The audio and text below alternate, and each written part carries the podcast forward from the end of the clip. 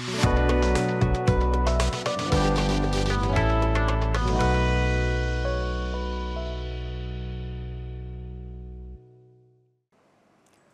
္ဂလာပါရှင်မြန်မာပြည်သူပြည်သားအပေါင်းစိတ်ချမ်းသာခြင်းကိုယ်ရေးချမ်းသာခြင်းနဲ့ပြည့်စုံကြပါစေလို့ PPTV အဖွဲ့သားတွေကဆုတောင်းမြတ်တာပို့တာပါတယ်ခုတစ်ပတ်တွင်ဖြစ်ပေါ်ခဲ့တဲ့သတင်းတွေနဲ့ပတ်သက်ပြီးသတင်းကျဉ်းချုပ်ကိုကျွန်မစင်စင်ကတင်ဆက်ပေးသွားမှာပါပ ထမဆုံးသတင်းပုံအနေနဲ့ပြည်သူရင်ဝင်ခိုလုံလာတဲ့တက်မတော်သားနဲ့ရဲတပ်ဖွဲ့ဝင်တွေကို NUG ကာကွယ်ရေးဝန်ကြီးကဂုံပြုတဝန်လာပေးပို့ခဲ့တဲ့သတင်းပဲဖြစ်ပါတယ်ရှင်ပြည်သူ့ရင်ဝင်ကိုခလုံလာတဲ့တက်မတော်သားနဲ့ရဲတပ်ဖွဲ့ဝင်တွေကိုအမျိုးသားညီညွတ်ရေးအစိုးရကာကွယ်ရေးဝန်ကြီးဌာနပြည်အောင်စုဝန်ကြီးဦးရီမွန်ကစက်တင်ဘာ17ရက်မှာဂုံပြုတဝင်လာပေးပို့ခဲ့ပါတယ်။ CDN ပြုလုပ်ပြီးပြည်သူ့ရင်ဝင်ခလုံလာတဲ့တက်မတော်သားနဲ့ရဲတပ်ဖွဲ့ဝင်တွေကိုပြည်သူသားကောင်းများဖြစ်ပြီးပြည်သူသားသမီးများဖြစ်တာနဲ့အညီပြည်သူဘက်ကရက်တီဖို့ပြည်သူနဲ့ပူးပေါင်းမှုဆုံးဖြတ်ခဲ့တဲ့အပေါ်ဂုဏ်ယူလေးစားတယ်လို့ဖော်ပြထားပါတယ်။ခုဆိုရဲဘော်တို့ဟာပြည်သူ့ကာကွယ်ရေးတပ်မတော် PDF ရဲဘော်များအဖြစ်ခံယူပြီးဖြစ်အောင်မကလက်တွေ့တော်လန်ရေးမှာပါဝင်နေကြပြီလည်းဖြစ်တယ်။ဒီသတင်းကိုပြည်သူတွေကြားရင်ဂုဏ်ယူမဆုံးရှိလိမ့်မယ်လို့ပြည်အောင်စုဝန်ကြီးကပြောကြားခဲ့ပါတယ်။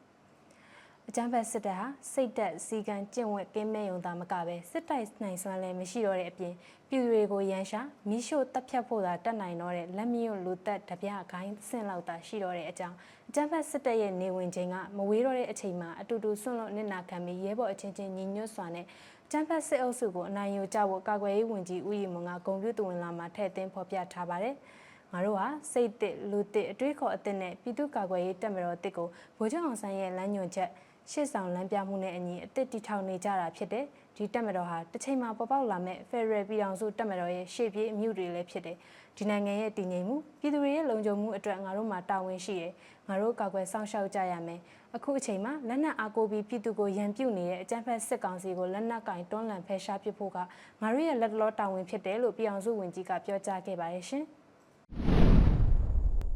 ဆက်လက်တင်ဆက်ပေးမယ့်သတင်းကတော့ CDN ဝန်ထမ်းတွေကိုအမျိုးမျိုးဖိအားပေးနေတဲ့အကြမ်းဖက်စစ်ကောင်စီလက်အောက်ခံဝန်ထမ်း80ကို NUG ကအမည်ပြတ်စည်းရင်းကြေညာပြီးဝန်ထမ်းဖြစ်ကနေထုတ်ပယ်လိုက်တဲ့သတင်းပဲဖြစ်ပါတယ်ရှင်။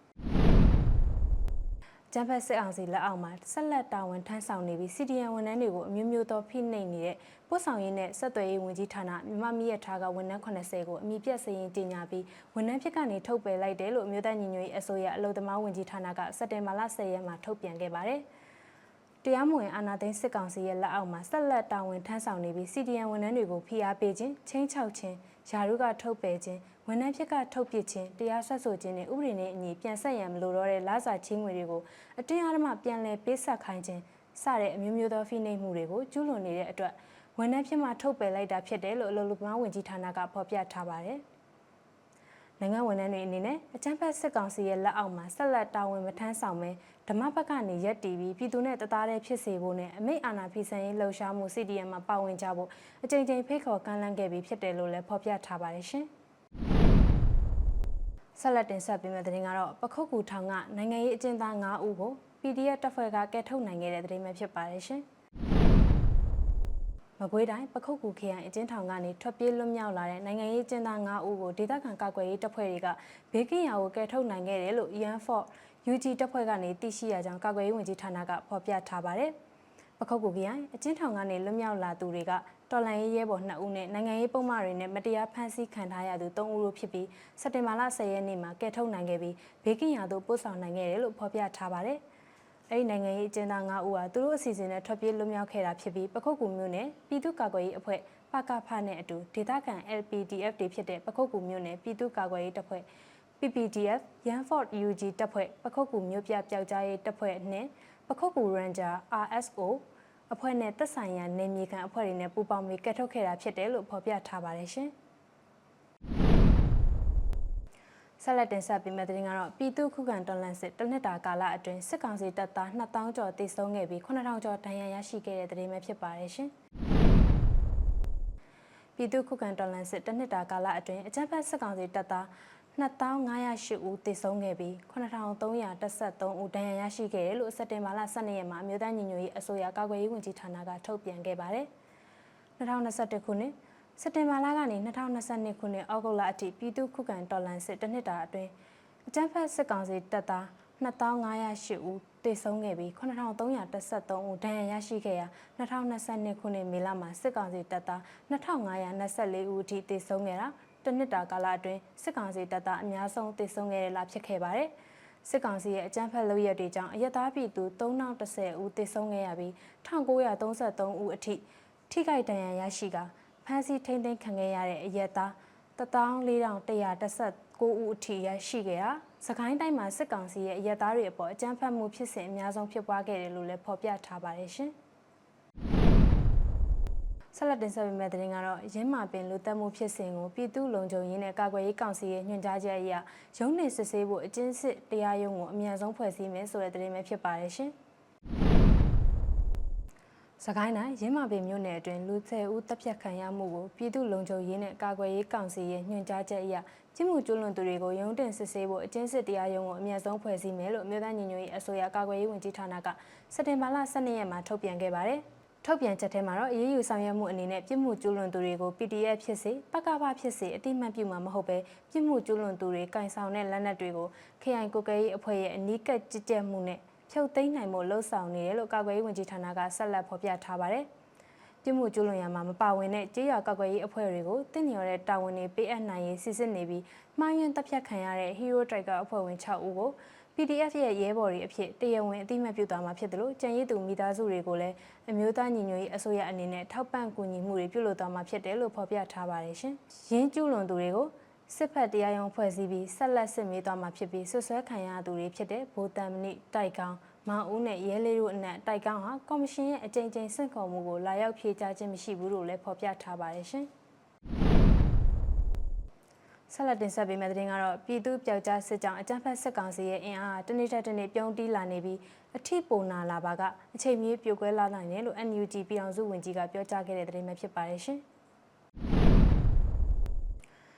ပြည်သူ့ပြောက်ကြားစစ်ကြောင်းအကြမ်းဖက်စစ်ကောင်စီရဲ့အင်အားကတနေ့တဲ့တနေ့ပြုံးတီးလာနေပြီးဒီထက်ပိုအထိနာလာပါကအချိန်မြေပြိုကွဲသွားနိုင်တယ်လို့မြို့သားညီညွတ်ရေးအစိုးရပြည်အောင်စုဝန်ကြီးဦးရီမွန်ကအပတ်စဉ်ဗိုလ်တပူးနေတိုင်း PDF ရဲဘော်တွေကိုပြောကြားခဲ့တဲ့မိကုံးမှာထည့်သွင်းပြောကြားခဲ့ပါတယ်။ပြည်သူ့ပြောက်ကြားစစ်မှာရန်သူအင်အားကတနေပြီးတနေပြုံးတီးလာနေတယ်ဒီထက်ပိုပြီးအထိနာရင်စစ်ကောင်စီတပ်ဟာအချိန်မြေပြိုကွဲသွားနိုင်တယ်ဆိုတာလဲငါတို့တတိပြုကြရမယ်။အဲ့ဒီအချိန်ရောက်ရင်ဒီနိုင်ငံစီးပြေပြီး ဖီယိုဖီရဲဖြစ်မသွားဖို့နဲ့ပြည်သူတွေရဲ့အသက်အိုးအိမ်စည်းစိမ်လုံခြုံမှုကိုကာကွယ်စောင့်ရှောက်ဖို့တာဝန်ဟာငါတို့ပခုံးပေါ်ကိုလုံးလုံးလျားလျားရောက်ရှိလာမှာဖြစ်တယ်လို့ပြည်အောင်စုဝန်ကြီးကပြောကြားခဲ့ပါတယ်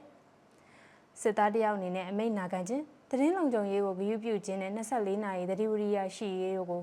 ရဲဘော်တဦးချင်းဖြည့်ဆည်းကြဖို့မိမိအင်အားမိမိလက်နက်မိမိတီနီယာမိမိစီမံချက်ဆိုတာစီရေးရဲ့လိုအပ်အပ်တဲ့အရာတွေဖြစ်ပြီးဆိုရှယ်မီဒီယာခက်မှာလည်းသတင်းလုံခြုံရေးစီးပေါက်မှုကိုမကြာခဏတွေ့နေရကြောင်း ရဲသားတယောက်လိုဆိုရှယ်မီဒီယာကိုလွတ်လွတ်လပ်လပ်သုံးဖို့မသင့်တော်တာကိုရဲဘော်တွေသတိပြုကြဖို့သတိပေးပြောကြားခဲ့ပါတယ်။ကိုပိုင်အသိဉာဏ်နဲ့လွတ်လွတ်လပ်လပ်စဉ်းစားဆုံးဖြတ်သူတွေကပြည်သူရင်ဝင်ခိုလုံနေကြပြီးပုံစံအမျိုးမျိုးနဲ့စစ်ကောင်စီကိုစွန့်ခွာနေကြသူတွေလည်းများတဲ့များလာပြီးဖြစ်တယ်လို့ပြည်အောင်စုဝန်ကြီးကဆက်လက်ပြောကြားခဲ့ပါတယ်ရှင်။ ဆက်လက်တင်ဆက်ပေးမယ့်သတင်းကတော့နိုင်ငံတော်ယာယီသမ္မတရဲ့စီရေးအရှိန်မြင့်တင်မဲ့ကြေညာချက်ထွက်လာခဲ့ရင်အားလုံးအသင့်အနေထားပြင်ဆင်ထားကြဖို့ပြည်အောင်စုဝန်ကြီးကတတိပေးတိုက်တွန်းလိုက်တဲ့သတင်းပဲဖြစ်ပါတယ်ရှင်။ယခုနှစ်မှာစီရေးအရှိန်မြင့်တင်မှာဖြစ်တဲ့အတွက်နိုင်ငံတော်ယာယီသမ္မတရဲ့စီရေးကြေညာပြီးပါကအသင့်နေထားရှိရေးပြင်ဆင်ထားကြဖို့ပြည်ရေးနဲ့လူဝင်မှုကြီးကြပ်ရေးဝန်ကြီးဌာနပြည်အောင်စုဝန်ကြီးဦးလွင်ကိုလက်ကစက်တင်ဘာလ23ရက်ကလူမှုကွန်ရက်မှာရေးသားတိုက်တွန်းထားပါတယ်။ ပြီးခဲ့တဲ့နှစ်သမ္မတကြီးအရေးပေါ်အခြေအနေကြီးညာခဲ့ပြီးတစ်နှစ်အတွင်းမှာပြည်သူ့ကာကွယ်ရေးတပ်ဖွဲ့တွေမြို့ကျပျောက်ကြားတွေဆင်နွှဲခဲ့တဲ့ခုခံစစ်ကမြို့ပြကြီးလက်နဲ့တောတောင်ကြားမှာထိတွေ့တိုက်ပွဲမျိုးစုံနဲ့စစ်မျက်နှာစုံဖွင့်နိုင်ခဲ့ကြတဲ့ဒီနှစ်သမရာကြီးကြီးညာပြီးရင်တော့အားလုံးအသင့်အနေထားဖြစ်အောင်ပြင်ဆင်ထားကြပြီးတော့လို့ပြည်အောင်စုဝင်ကြီးကလူမှုကွန်ရက်မှာရေးသားဖော်ပြထားပါတယ်။အကြမ်းဖက်စစ်ကောင်စီကမြန်မာပြည်သူတွေအပေါ်မတရားဖမ်းဆီးတပ်ဖြတ်အကြမ်းဖက်လုပ်ရက်တွေကိုနေ့စဉ်ကျူးလွန်လှုံ့ဆော်နေရ ပြည်သူလူထုတရက်လုံးကအသက်ရှင်တန်မှုကာကွယ်ပိုင်ခွင့်အရာပြည်သူခုခံတော်လှန်စစ်ကိုမလွဲမရှောင်သာဆင်နွှဲနေကြရတာဖြစ်တယ်လို့လည်းဖော်ပြထားပါတယ်။မြေသားညီညွတ်ရေးအစိုးရရဲ့အရေးပေါ်အခြေအနေကြေညာချက်ထုတ်ပြန်ပြီးကာလဖြစ်တဲ့စက်တင်ဘာ9ရက်2021မှစက်တင်ဘာ6ရက်2022အထိတနစ်တာကာလအတွင်းအနှစ်ချုပ်အနေနဲ့အာနာသိန်းအကြမ်းဖက်စစ်ကောင်စီဘက်ကတေဆုံးသူ25,109ဦးနဲ့ထိခိုက်သူ8,023ဦးအထိရှိခဲ့ပြီးလက်ရှိမြေပြင်မှာတော့ အဲ့ဒီသတင်းချက်လက်တွေထက်ပိုပြီးဖြစ်ပွားနိုင်တယ်လို့ရေးသားထားပါတယ်ရှင်။ဆက်လက်တင်ဆက်ပေးမယ့်သတင်းကတော့နိုင်ငံကူးလက်မှတ်အခက်အခဲရှိနေတဲ့ဂျပန်နိုင်ငံရောက်မြန်မာနိုင်ငံသားတွေကို NUG ဂျပန်နိုင်ငံဆိုင်ရာကိုယ်စားလှယ်ရုံးကကူညီဆောင်ရွက်ပေးနေတဲ့သတင်းပဲဖြစ်ပါတယ်ရှင်။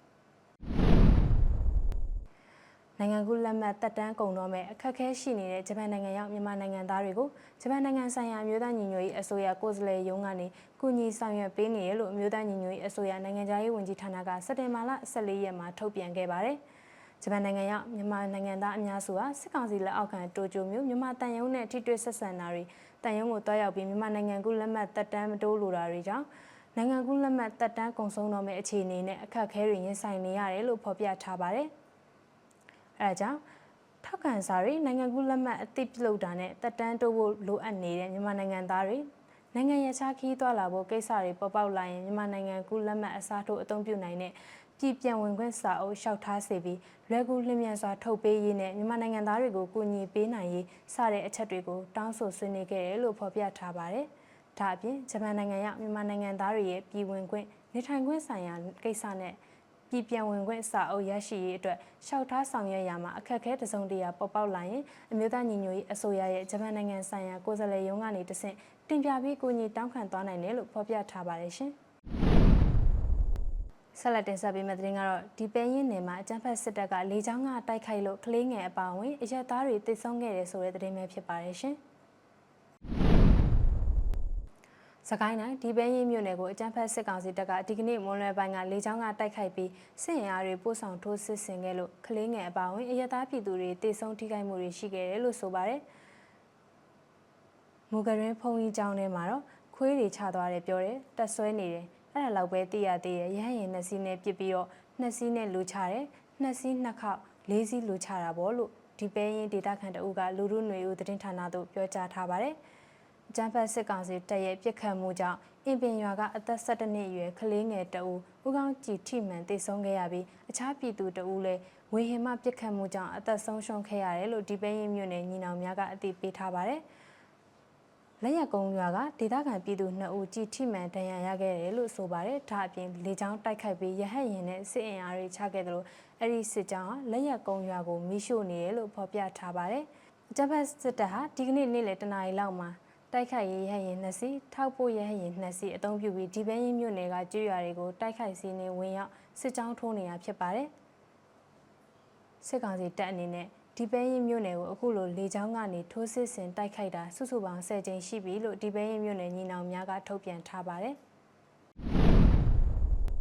ခုနောက်ဆုံးတင်ဆက်ပေးမှာကတော့ KNU တပ်မဟာ9နေမြေအတွင်းမှာတိုက်ပွဲပေါင်း60ကျော်ဖြစ်ပွားပြီးအကြမ်းဖက်စစ်တပ်က90ကျော်တည်ခဲ့တဲ့တဲ့တင်ပဲဖြစ်ပါတယ်ရှင်။ ကရင်မျိုးသားစီယုံ KNU ဖပုံခရိုင်တပ်မဟာ9နေမြေအတွင်းမှာအကြမ်းဖက်စစ်တပ်နဲ့တိုက်ပွဲပေါင်း60ကျော်ဖြစ်ပွားပြီးအကြမ်းဖက်စစ်တပ်ဘက်ကတက်ခွဲမှုနဲ့ဗိုလ်အဆင့်ရှိသူတွေအပါအဝင်52ဦးသေဆုံးတယ်လို့မူထရသတင်းဌာနကထုတ်ပြန်ခဲ့ပါတယ်။ထုတ်ပြန်ချက်ထဲမှာစက်တင်ဘာ1ရက်ကနေ15ရက်အထိတပ်မဟာ9လက်အောက်ခံတပ်ဖွဲ့ဝင်တွေနဲ့အကြမ်းဖက်စစ်တပ်တို့အကြားတိုက်ပွဲပေါင်း68ကြိမ်ဖြစ်ပွားခဲ့တယ်လို့အကြမ်းဖက်စစ်တပ်ဘက်က52ဦးသေပြီး32ဦးဒဏ်ရာရခဲ့တယ်လို့ဖော်ပြထားပါတယ်။ တည်တဲ့သူတွေထဲမှာတက်ခွဲမှု2ဦးဘိုးဆင့်ရှိသူ2ဦးပါဝင်တယ်လို့ဒဏ်ရာရတဲ့သူတွေထဲမှာလည်းတရင်မှု2ဦးနဲ့ဒုတရင်မှု2ဦးပါတယ်လို့ဆိုပါတယ်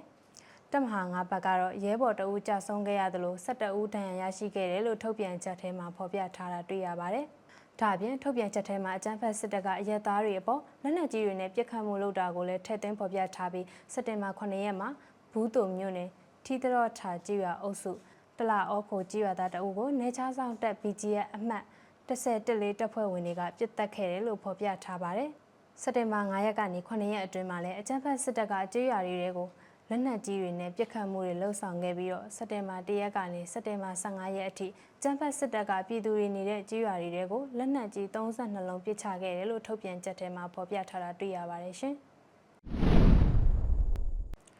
ဒါကတော့ဒီဘက်တွင်းဖြစ်ပေါ်ခဲ့တဲ့သတင်းချင်းချုပ်ကိုတင်ဆက်ပေးခဲ့တာပဲဖြစ်ပါတယ်ကျေးဇူးတင်ပါတယ်ရှင်။